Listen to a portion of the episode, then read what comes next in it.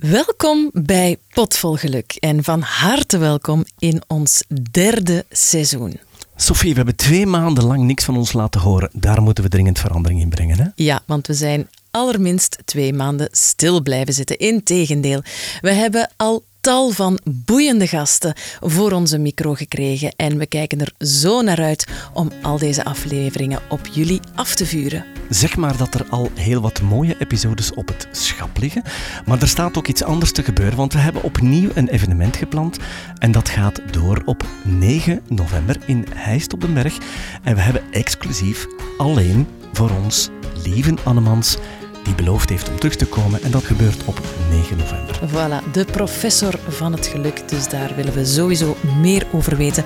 Wij kijken er naar uit om jullie een prachtig seizoen mee te nemen naar onze zoektocht van geluk. En ik kan niet wachten om de eerste aflevering nu te starten.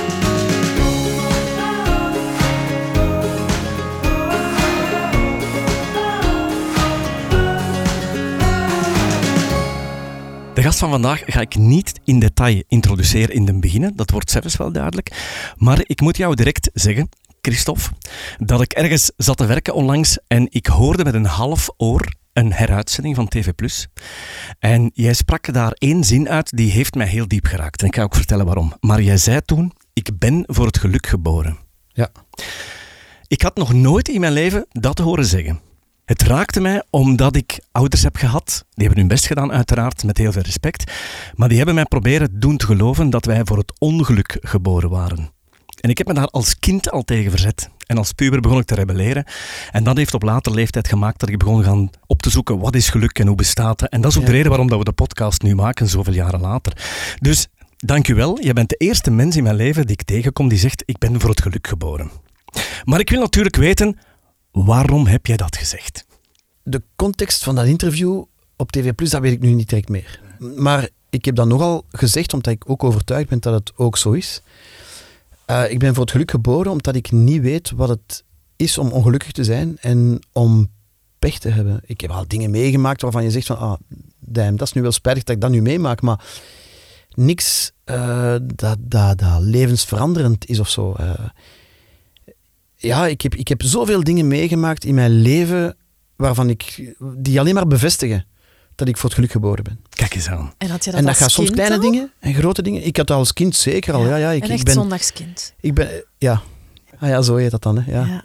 Een zondagskind. Ja, ik heb twee broers die, die, die, die ook al, denk ik, al in mijn ogen al heel veel geluk hebben gehad in hun leven. Ik weet niet of dat ze het zo zouden uitspreken, want mijn tweede broer is een heel donkere, donkere man die vaak zoiets heeft van, je zult wel zien, het zal wel regelen als ik naar daar ga.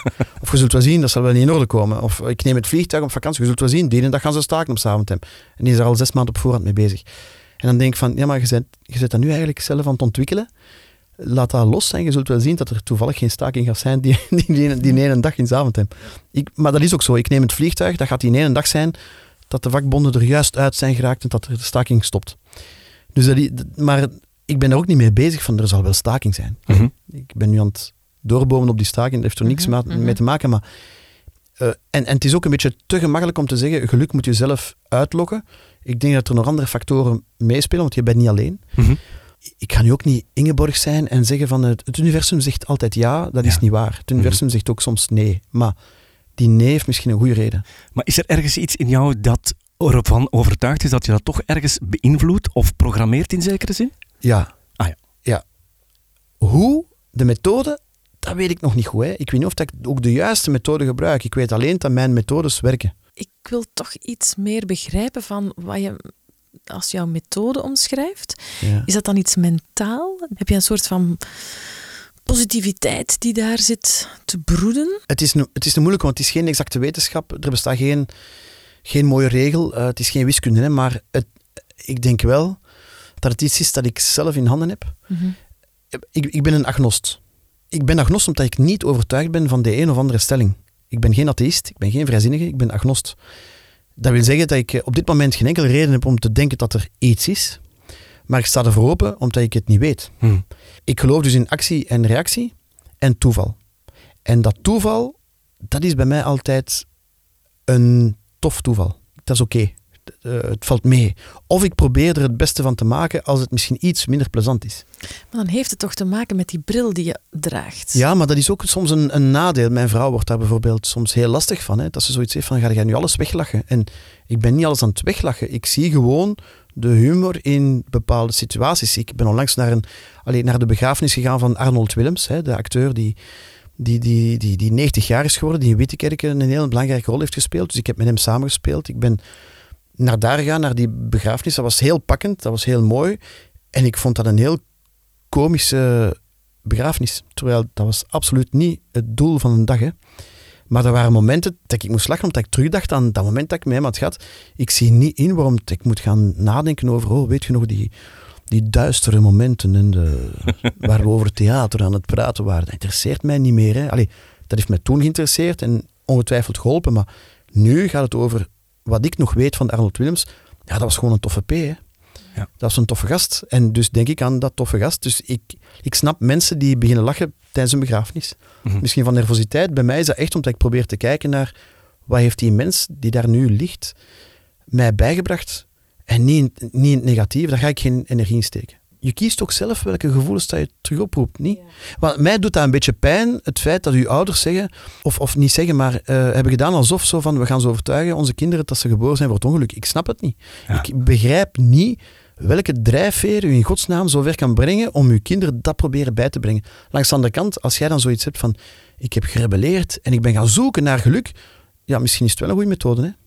Maar het is niet leuk, hè? Nee, nee, nee, nee. ik heb er jaren mee geworsteld. En uiteindelijk ben ik nu blij en heel dankbaar dat ze dat gedaan hebben. Maar ze hebben gehandeld naar hun eigen kunnen op dat moment. Ja. En toch uit angst. Dat is toch teken dat die mensen zelf overtuigd waren dat, dat hen van alles overkwam. Of dat het niet niet voortvarend genoeg ging. Ze zijn ook alle twee in angst opgevoed en dat verklaart voor mij heel veel. Als je, wij kunnen ons dat niet voorstellen, maar als het bliksemt en je wordt door de moeder uit bed gehaald, je moet in het midden van de nacht je kleren aandoen en je moet met zeven kinderen onder een tafel kruipen, dan programmeer je een angst voor de rest van het leven. Mhm. Daarom noemen we dat conditioneringen natuurlijk. hè. Mhm, mhm. En mijn vader was er zo eentje. En mijn moeder is ook met alle ongelukken die ze heeft in dat sukkelstraatje uh, geraakt. Maar nogmaals, ik ben hen daar heel dankbaar voor. Plus, als je daar niet van bewust bent en achteraf niet actief mee aan de slag gaat, ja, gaat dat ook niet veranderen. Dat mhm. is echt toch iets wat dat je... Ik weet niet, hoe, hoe zie jij dat? Is dat niet iets wat je actief moet onderhouden of bijsturen? Of... Ik weet het niet, maar het doet mij een beetje denken aan... Allee, met al respect voor je ouders, die ik uiteraard nooit heb gekend, maar het doet mij een beetje denken aan die, aan die mannen die zo hun kleine zeggen van kom jongens, sta recht. Wees een man. Hè? Mhm. Je mag niet blijten. Hopla, kom maar, sta recht. En daarna gaat die kleine misschien zeggen van ik ben een man geworden dankzij mijn vader, omdat hij mij zo... En dan denk ik van, eh, sorry, heeft, eh, dat, is, dat is niet waar. Hè. Mm Gaat hij het perfect op een andere manier en die jongen op dat moment een goed moment kunnen meegeven en die had evengoed een grote man kunnen worden. Dus dat is, ja, ik vind dat spijtig. Ik vind het vooral spijtig. Dat klopt, maar je kan niemand het kwalijk nemen dat ze niet weten wat dat ze niet weten.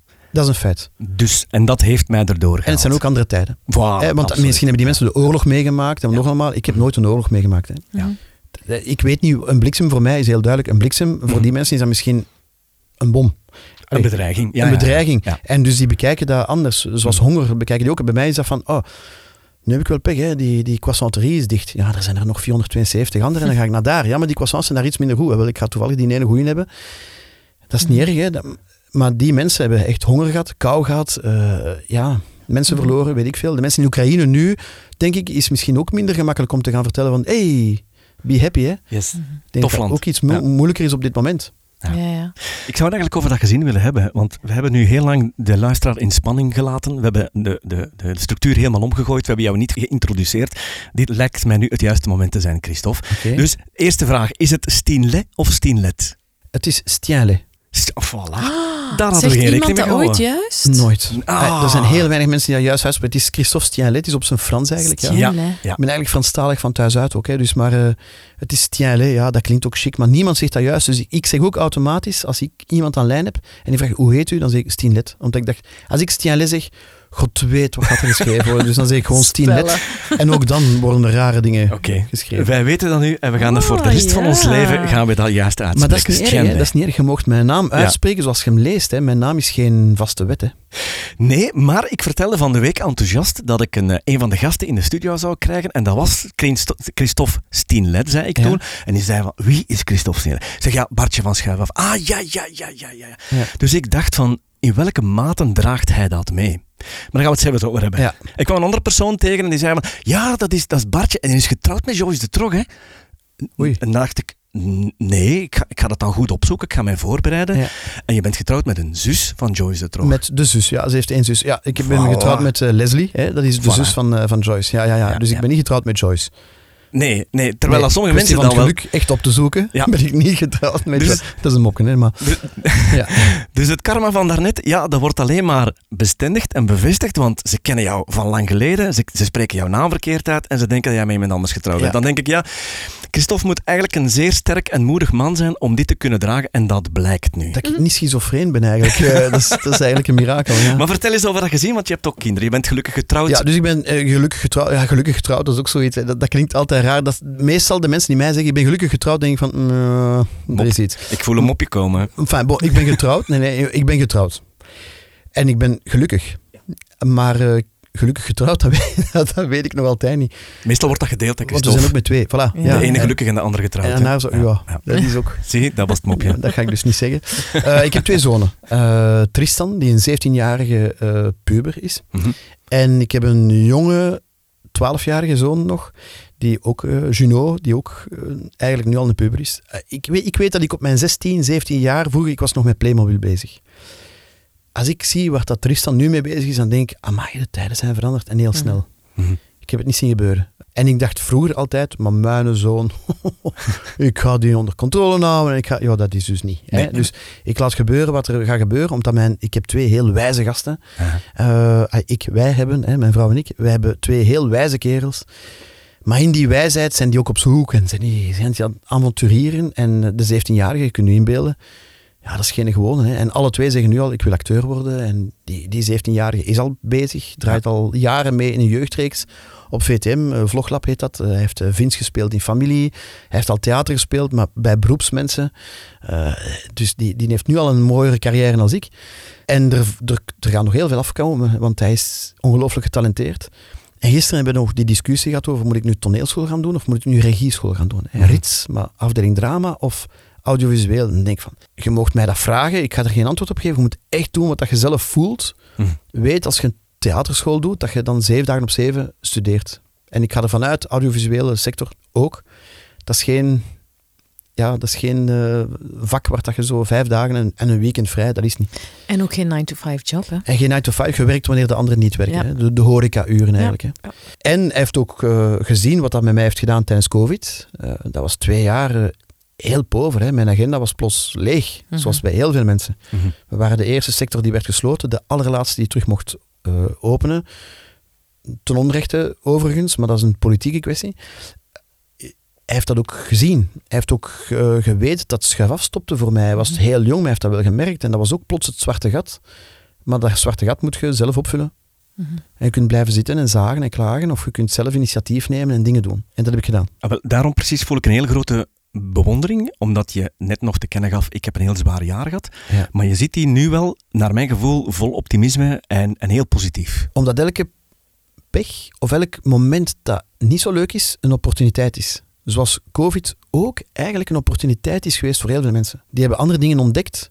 Plots was er tijd voor de familie, voor het gezin, wat alleen maar ten goede komt van de kinderen, bijvoorbeeld. Mhm.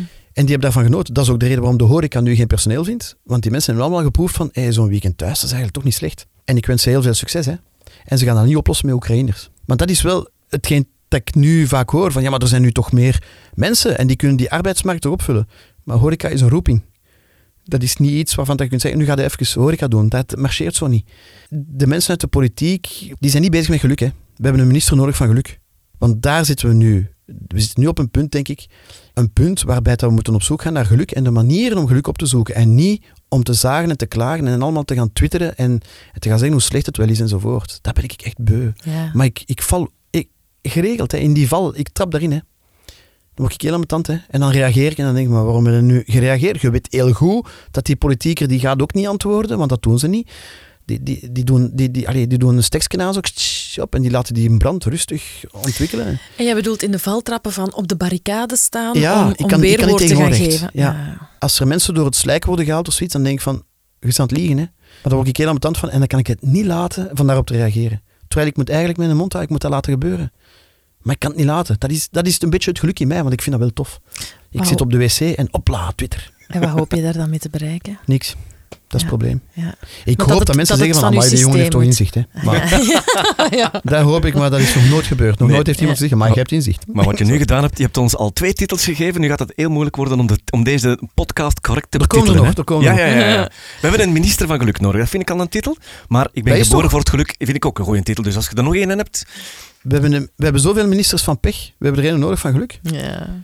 Vind ik echt, hè. Ja, We hebben dat echt nodig. Een, een kleurloze, ik bedoel daarmee politiek kleurloze Aha. minister van geluk. Ja. Mm. Een neutrale zo, een objectieve. En dan mag dan een vrouw en een man zijn, daar ben ik ook niet mee bezig. Daar word ik ook soort van die discussies. Als iemand aan het loket een hoofddoek draagt, I don't care. Helpt hij mij goed, dan is het oké. Ja. Daar gaat het over, daar wordt hij voor betaald. En heel die discussie daar rond. We zijn bezig met pietluttigheden, terwijl er zijn andere dingen die echt nodig zijn. Onder Ja. andere het zoeken naar geluk. En dat doen wij heel graag. We zijn ook in ons derde seizoen en het wordt alsmaar groter.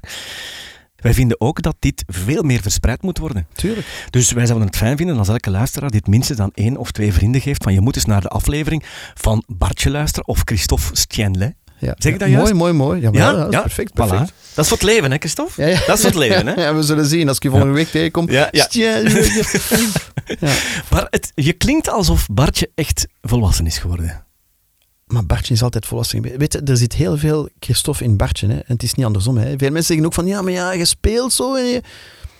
Er zit heel veel Christophe in Bartje. Hè? Die, die ADHD-toestand, eh, in mijn tijd bestond die stempel nog niet. Maar ik had die, Juist. uiteraard had ik die gekregen. Hè? Had die toen bestaan. Ja. Sowieso. Ja, absoluut. En I don't care. Hè? Maar pff, mijn twee zonen hebben ook de diagnose gehad. Ja, dat is toch wel lichtjes ADHD. En dan denk ik van, ah, tof hè. Dat is tof hè. Dat wil zeggen dat die geprikkeld worden. Die zien alles. Die, die, die... En die zien ook echt alles hè. Het bruist. Maar ja, als het licht uit is in de oogstjes, dat is spijtig, dat is spijtig. En zeker bij jonge mensen, dan denk ik van nee, dat is, dat is zo spijtig, dat is zo Mm. spijtig. En wij zijn gelukkig opgevoed met Bartje. Ik, ik had toen al de indruk dat Bartje zich heel, heel goed amuseerde. Maar ja, ik heb nog nooit gewerkt in mijn leven, ook niet. Hè. Oh, dat moet je eens verklaren. Ik heb nog nooit, nog nooit gewerkt. Ik, eh, Nu gaan alle luisteraars kreunen. ja, Dat ga je moeten uitleggen, Christophe. uiteraard, als je teksten moet leren, je moet daarmee bezig zijn. Eh, toeleven naar een première toe, ja, dat is niet altijd even gezellig, omdat je een bepaalde stress installeert zich en je, denkt van, ja, ik moet het toch wel goed die mensen betalen om te komen kijken. Dat wel, hè, dat zijn factoren. Maar ik word verdomd, ik word, ik word betaald om te spelen. Is dat jouw hoofdberoep? spelen. Dat is mijn hoofdberoep, ja. Tijdens COVID is dat uiteraard eh, serieus, eh, zoals bij elke acteur trouwens, verminderd. Ehm, maar het is mijn hoofdberoep. Nu, als ik omroeper ben van de Rode Duivels of van de Red Flames in het stadion, heb ik nog altijd een indruk dat ik aan het spelen ben. Eh, ik presenteer heel veel bedrijfsevents nu, voor banken, voor, voor, voor de notarissen, voor... Ik ben nog altijd aan het spelen. Mensen weten, als ze mij boeken, weten ze, we gaan een presentatie krijgen met een knipoog en een glimlach. Die kan dat niet laten van er iets in te steken dat misschien een beetje, ah, dat hebben we nog niet, niet veel meegemaakt of zoiets. We gaan dat, we gaan dat met, met Christophe gaan we dat meemaken. Mensen moeten dat ook weten. Ik zeg dat ook als ze mij boeken. Dan zeg ik ook, als je een proper afgestofte presentatie wilt, wat ik begrijp, soms is dat misschien noodzakelijk, weet dan, ik kan u perfect helpen. Ik kan u namen geven van collega's van mij die... Ik ben vrij in mijn agenda, maar ik kan niet zomaar ja zeggen. Doe het dan, echt waar. Heeft dat imago bij de foute vrienden jou dan geholpen in zekere zin? Het grappig zijn en, en het leuk maken, plezier maken? Ja, natuurlijk, je komt daar terecht in een, in een nest van comedians, die allemaal grappig zijn, die heel scherp staan. eh, dan niet fysiek misschien, maar, maar enorm scherp staan, verbaal en, en, en in hun geest. Ja, ik heb, toch, eh, ik heb mij toch even moeten, mezelf moeten wakker schudden. Hè, van, dit is niet meer de luxe zetel schuif af, waarin ik in mocht ploffen en zeggen van, hier kan ik mijn ding doen, typeke spelen en mij laten gaan. Maar zorgt dat ook niet voor die andere kijk op de wereld? Hè? Je moet inderdaad scherp staan, alle oogkleppen ja, loslaten. Ik denk ook heel veel verwondering aan de dag leggen. Ehm, helpt dat? Verwondering In- is een leuk woord ook. Hè. Ja. Ja, dat is toch zo een, Het, een het helpt, Ja. het, het helpt, ja. ik voel je- een beetje aan u. Zo. Je hebt geen keuze. Maar ja, ik, ik ga je zeggen, mijn allereerste ding dat ik heb moeten doen voor, voor Foute Vrienden, waar ik ook mensen zeggen, per toeval ben ingerold. Nee, nee, het is geluk. Mhm. Ik ben bij Foute Vrienden ingerold omdat zij op zoek waren naar een vervanger voor Steve Goegebuur, de man van Est op den Berg. Mhm. Fantastische foute vriend. Geen gemakkelijk om te vervangen. Mhm. En ze waren bezig, we gaan een film maken. We gaan een film maken. En toen waren ze nog bezig, we gaan iets doen met Philippe Geubels. Maar Geubels had toen net getekend voor VT4, dus die mocht niet. Dat was exclusief. Enfin, dat was een heel, een heel administratief kluwen. En administratie en comedians, dat, dat marcheert niet. Hm. En dus ik ging daar samen brainstormen en we nog allemaal. Om dan tot de conclusie te komen dat die mannen zoiets hadden wat zitten we eigenlijk te zoeken? Onze vierde foute vriend zit hier aan tafel. En van het een komt het andere. En mijn eerste draaidag was Parijs, de film. De eerste draaidag van de langspeelfilm in Parijs. En er zat een dame beneden met een, een, een aantrekkelijke, eh, nogal, aanwezige, nogal aanwezig achterwerk. En ik krijg in mijn oortje, krijg van, oké, je gaat er naartoe. En je slaagt op die, haar- op die haar gat. En dan zeg je van, mag ik van u een portret maken? Iets dat ik nooit zou doen.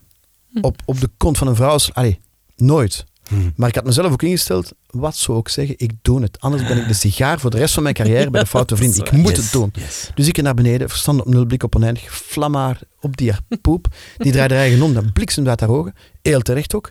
Ik dacht, ik ga gewoon doorgaan, ik ga gewoon doorgaan. En slaan een zalf en direct zeggen, mevrouw, u bent zo mooi, mag ik alsjeblieft van u een portret maken? En dat was dan in één keer goed. blablabla. En ik hoor Begijn zeggen in mijn oor, wat een entrée, wat een entrée. Dus in één keer had ik ook de stempel van, miljard, we gaan verder moeten, we gaan dieper moeten graven Ja, om die gast ja, ja. uit zijn rol te krijgen. Terwijl op dat moment, ik was aan het bibberen van binnen. ik dacht van, nee, deze ga ik, ik kan dat niet maken. Ik kan dat echt niet maken. Dat is zo fout ook. Op, op, op zoveel vlakken. En, en ik heb het dan wel gedaan. Ik heb nog dingen gedaan tijdens Foute Vrienden dat ik nu denk van, ik had dat niet mogen doen. Maar je bent bezig, je zit in die trance van, dat is het ik mag niet concept afgeven. ook, dat is het concept, maar ja, je, je blijft wel met mensen bezig. Ja. Ja. Wist jij op voorhand dat ze daar Bartje terug tot leven zouden brengen? Nee, nee, dat was de verrassing natuurlijk. Hè. We Ja. vertrekken en de trailer, Mm. die garage gaat open en ik zie mijn foto in het groot op die Amai. trailer. Ik wist van, ah, miljard. is Hier gaan we weer. Hier zijn we vertrokken, ja. Langs de andere kant, het feit dat ik Bartje ben geweest, ik mag mij niet alles, maar enorm veel permitteren. Ook als ik in het stadion bij Rode Duivels een mopje wil doen aan de micro, wat vroeger not done was, want de FIFA volgt mee en de UEFA volgt mee en, we en de televisiezenders. Ik mag mij ongelooflijk veel permitteren, omdat ze weten, joh, dat, is, dat is een Bartje van Schuif af. hè. Dat Maar is jij, een maar jij vriend, bent een, van, allee, een personage uit ons collectief jeugdgeheugen. Hè? Wij, Ja. zijn allemaal opgegroeid. En ook toevallig veel- ingevallen, hè. Ja, per, per geluk, nooit Ja, auditie gedaan. ja, Hè. ik vind dat jij nu iets te veel zegt van toevallig en toevallig en geluk. Waar zit de conclusie van ik ben getalenteerd, ik ben ervoor opgeleid, ik doe, ik doe mijn job goed? Ja, eh, dankjewel daarvoor. Hè. Allee, ik hoop dat dat, Ja, dat, ja, dat wil is zeggen een- dat je dat echt vindt. En dat, is ook een compliment bedoeld, ja? Maar ik speelde toen destijds theater in Mechelen. Mhm, eh, toevallig met Arthur. Zo heb ik Arthur leren kennen. mhm. Wij spelen samen een theaterstuk.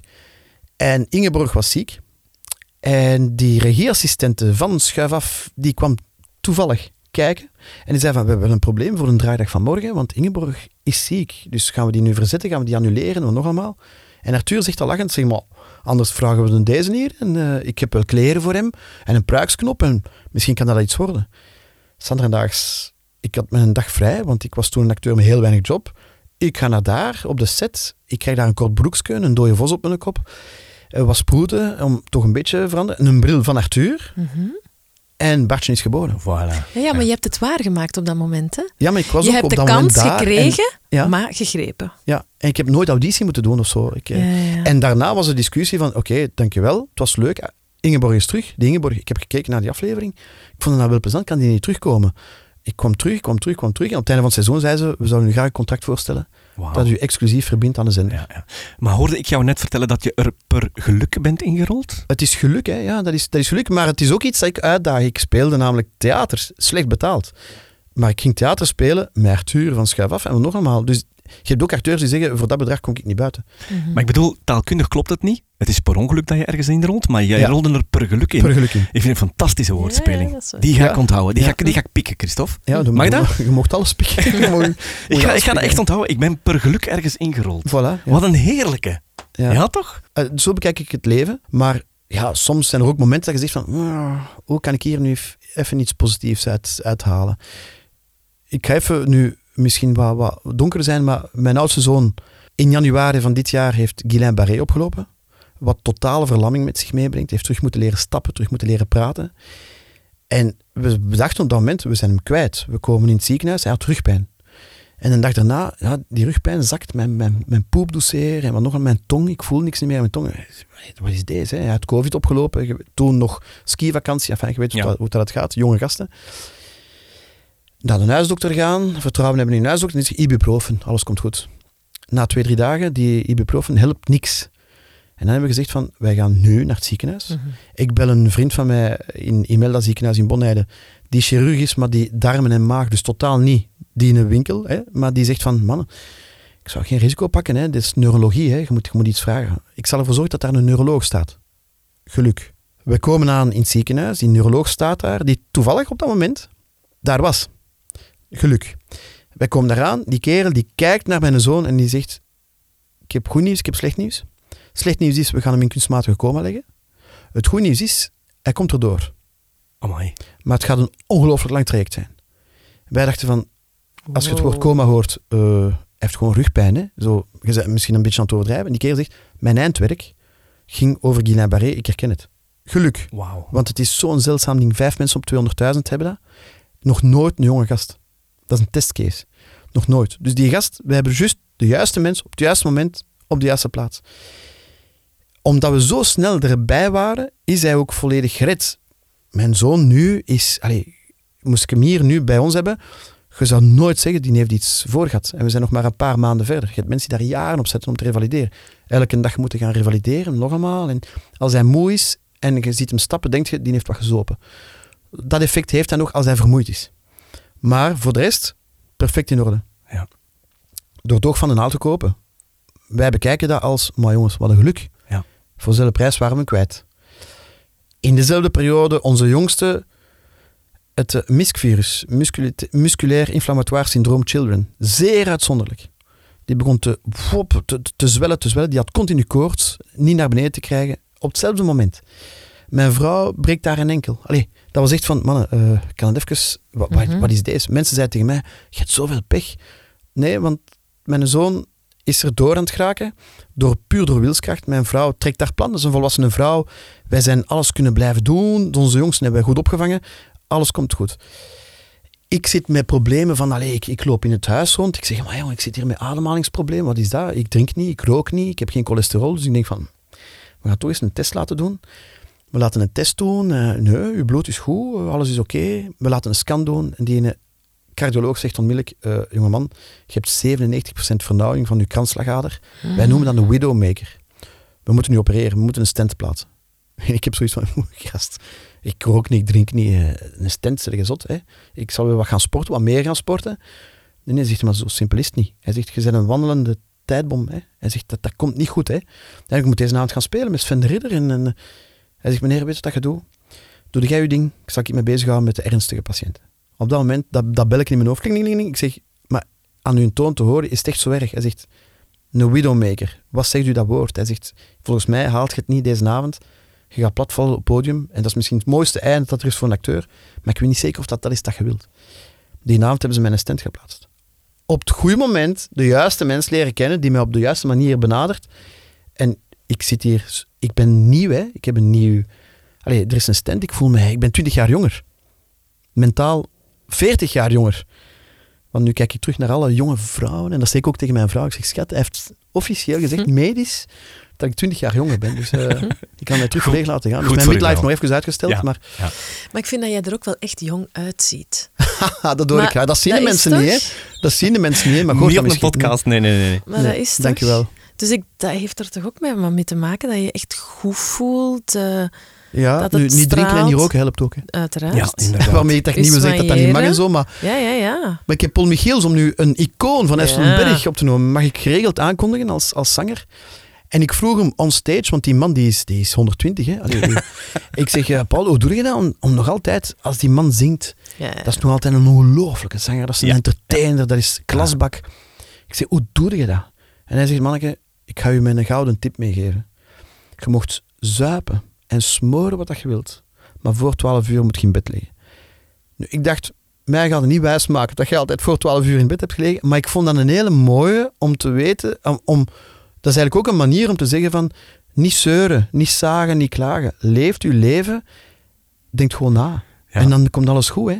Maar ik weet niet of dat je Paul Michiels nog eens hebt gezien. Dat is nog altijd een, een knappe, ferme vent. Hè. Ja, ja, ja. Die is boven de absoluut. 70, Ja, ja. Absoluut. Maar je ziet wel dat hij een leven geleefd Die heeft een leven hè. geleid, ja. Ja, Ja, ja, ja, voilà. absoluut.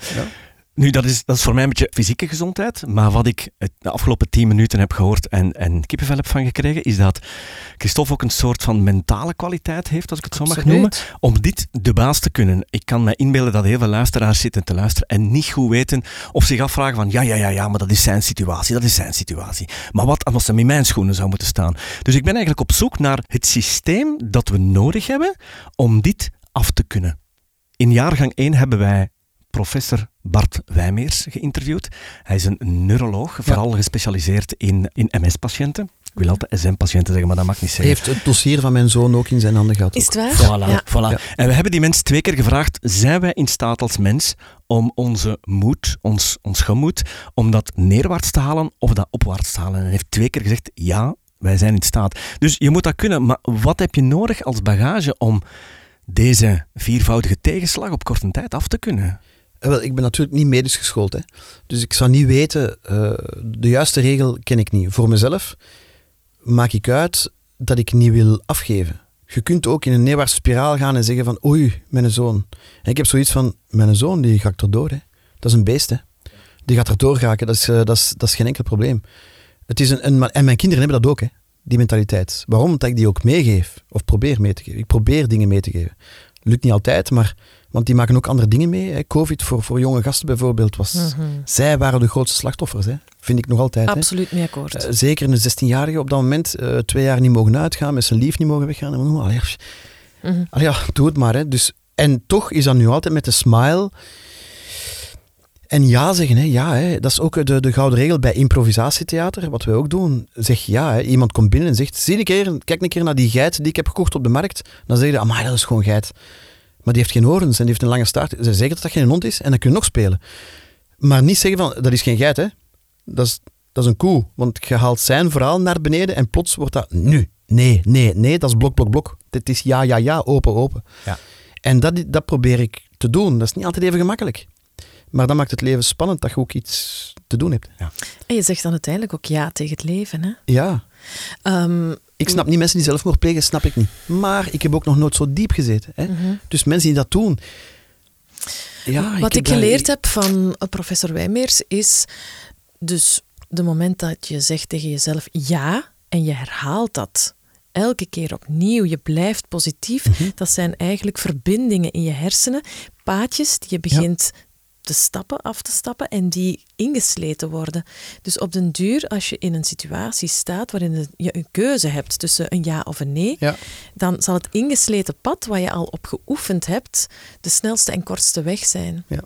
En ik denk dat dat iets is waar dat jij in getraind bent. Je kiest gewoon voor de ja of voor de positieve benadering. En dat is wel wetenschappelijk onderbouwd. Wat je nu zegt, hè, eh, verkopers weten dat ook. Hè. Ik ga zeven keer een vraag stellen, zeven Mhm. keer een ja, het is verkocht. Hè. Het is ook een leuker woord hè, dan Ja, nee. Dat is Ja. waar.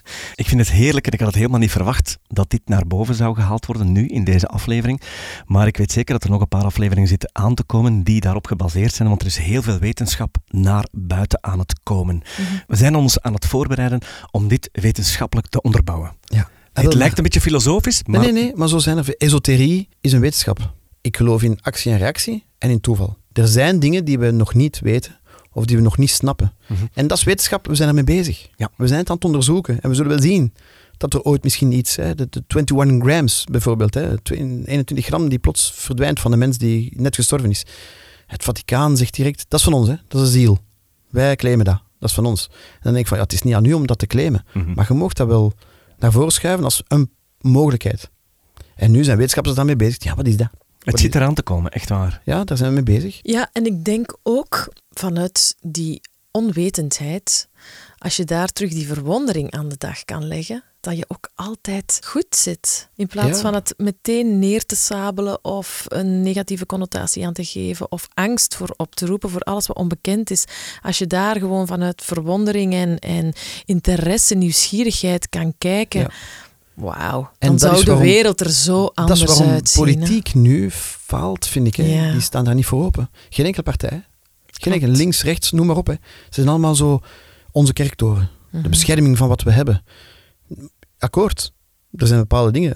Ik zeg maar eens, de vrouwenrechten. Je mocht daar niet aankomen. Want dat is een elementair ding. Maar dat wil niet zeggen dat je daarom niet open geest kunt hebben naar... Oeh, kun even rustig blijven als iemand een keer iets slecht zegt over een vrouw, dat we niet direct op... Wow, allen, allen erop, want hij heeft iets verkeerd. Rustig, rustig. Misschien hebben we niet goed begrepen wat hij wil zeggen. En, Allee, snap je? Dat is, dat, de open, open geest, hè, dat, dat- dat, dat vind ik echt zo, zo belangrijk. Hè. En ik, ik mis dat heel hard. Denk je dat wij dat kunnen trainen, die verwondering, dat optimisme? Ik ben overtuigd van wel, maar je moet het doen. Ja. Je moet het wel op zijn minst proberen. Hè. Mhm. Je hebt heel veel mensen die erover praten, je hebt er heel weinig die het doen. Ja. Ja, ik ga volledig met jou akkoord. Ik mis dat ook in de samenleving van hey, ga gewoon eens even praten met iemand. Waarom reageert iemand zo? Of waarom heeft hij die bril opstaan? Of wat heeft hij meegemaakt waardoor er nu angst Ja. eh, uit zijn mond komt? Ja, ik vind, maar ik vind van het moment dat je duikt of de tijd neemt, de moeite doet om te duiken in iemand zijn verhaal, in iemand zijn mening, dan klopt het wel hoor. Maar ja, natuurlijk. In de meeste gevallen toch. Natuurlijk, op sommige momenten heb je, je hebt namelijk rechtbanken. Hè. Je hebt de rechters die af en toe moeten beslissen, nee, deze gaan we nu even niet meer tolereren. En ik ben heel blij, bijvoorbeeld, ik ben Peter van de Dierenbescherming in Mechelen, omdat ik vind, als je niet met dieren kunt omgaan, kun je al zeker niet met mensen omgaan. Het is nu strafbaar om je dier te mishandelen. Wettelijk. Nu pas. Nu pas. Echt? En Ben Wijts, het is, het is niet mijn ideologie en voor de rest heb ik daar niet direct een klik mee. Als minister van Dierbescherming denk ik van, eindelijk, eindelijk iemand die zegt dat dieren rechten hebben. En er is nu voor de eerste keer ook iemand voor de rechtbank die daar een gigantische boete moet betalen omdat hij zijn honden heeft verwaarloosd. Dan heb ik zoiets van, het is maar normaal. Waarom moet ik een rijbewijs hebben om te mogen rijden met een auto, maar ik heb geen bewijs nodig om dieren te houden? hè? Terwijl, waarom niet? Dat, gratis ook, hè, want anders gaan ze weer een manier vinden om daar weer geld uit te pompen. Maar laat mensen, eh, kinderen ook eigenlijk. Hè. Er zijn mensen die misschien kinderen, ja, dat je zegt van, is misschien uw ding niet. Hè. Misschien stoppen of, of het niet doen. Langs de andere kant heeft, heeft die persoon het recht om een, misschien een kind te hebben en plots wakker te schieten. Dat kan ook. Dus wie zijn wij om... om die, die zin doe ik heel vaak voor mezelf zo. Wie ben ik om die mens dan nu te gaan verbieden? Of die mens dan nu te gaan doorduwen? Wie ben ik om dat te doen? Maar je wordt heel snel, hè. Je zegt iets en dan... Ah, jij bent een rechtse, hè. Voor wat? Omdat ik dat gezegd heb, ben ik nu... Of, of links, hè, want aan de rechterkant noemen ze mij een linkse rat en aan de, recht, en aan de andere kant noemen ze mij een, een, een, een rechtse halve fascist. Hè, omdat ik zei dat ik een liberaal. Van geest ben ik een liberaal. Ik geloof in de vrijheid van het individu. En dus ik ben een liberaal. Mhm. En als ik dat zeg in de artistieke sector, is dat oeh, zo rechts. En dan denk ik van, maar je hebt er niks van begrepen. Hè. Nationalist, ik ben dat niet. 90 minuten lang tijdens een voetbalmatch wel.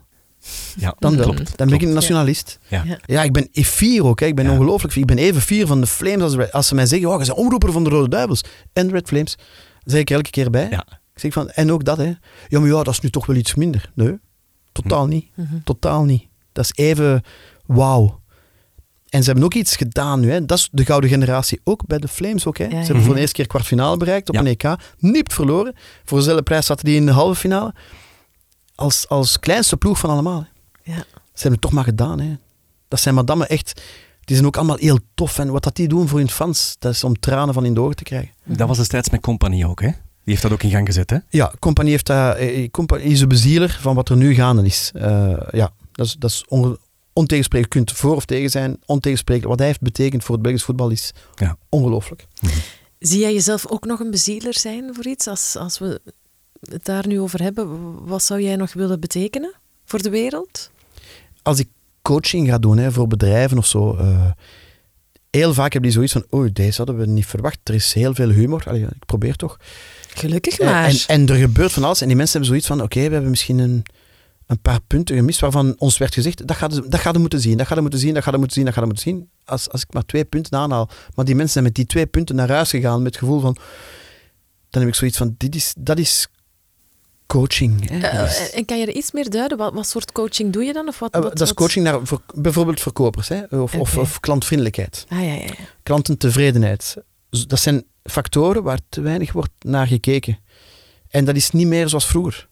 Vroeger was de verkoper bezig met verkopen, met cijfers. Nu moet je ervoor zorgen dat die mensen terugkomen. Want met verkopen van iets verdienen geen geld. Het is met daarna het onderhoud van iets, van een auto bijvoorbeeld. Het is het onderhoud dat geld opbrengt aan de garages. Niet de verkoop van de wagen. Mhm. Dus je moet zorgen dat die mensen terugkomen. En dat kun je alleen als je service geeft. En niet alleen het product. Er worden geen slechte auto's meer gemaakt. En in welke mate zie jij humor als glue voor zo'n connectie tussen mensen? Eerst en vooral ben ik al overtuigd dat mensen, als het op een humoristische manier wordt verteld, de boodschap veel gemakkelijker onthouden. Het heeft iets fenomenaal. Ik, ik, ik was mee naar Sint-Petersburg. Ik ben meegegaan naar Sint-Petersburg als omroeper in het stadion. Hè. Dus de match tegen Brazilië, tegen Frankrijk, tegen Engeland, ik was daar. Ze hebben mij ook een bronzen medaille rond de nek gedaan, terwijl ik kan voor geen meter shotten. Hm. Maar ik was one of the guys. Hè. Jan Vertongen, kom jong, kom erbij. Ik mee dat podium op rond mijn nek. Enfin, Zalig. dus ik sta daar, maar we maken iets mee. Hè. We, iedereen, heeft zo, iedereen begint te geloven plots van, we worden wereldkampioen. Met deze ploeg, er gebeurt iets, we worden wereldkampioen. We verliezen tegen Frankrijk. Dat is ook veel mensen die zeggen, we winnen of de Rode Duivels verliezen. Nee, nee, wij verliezen. Hè.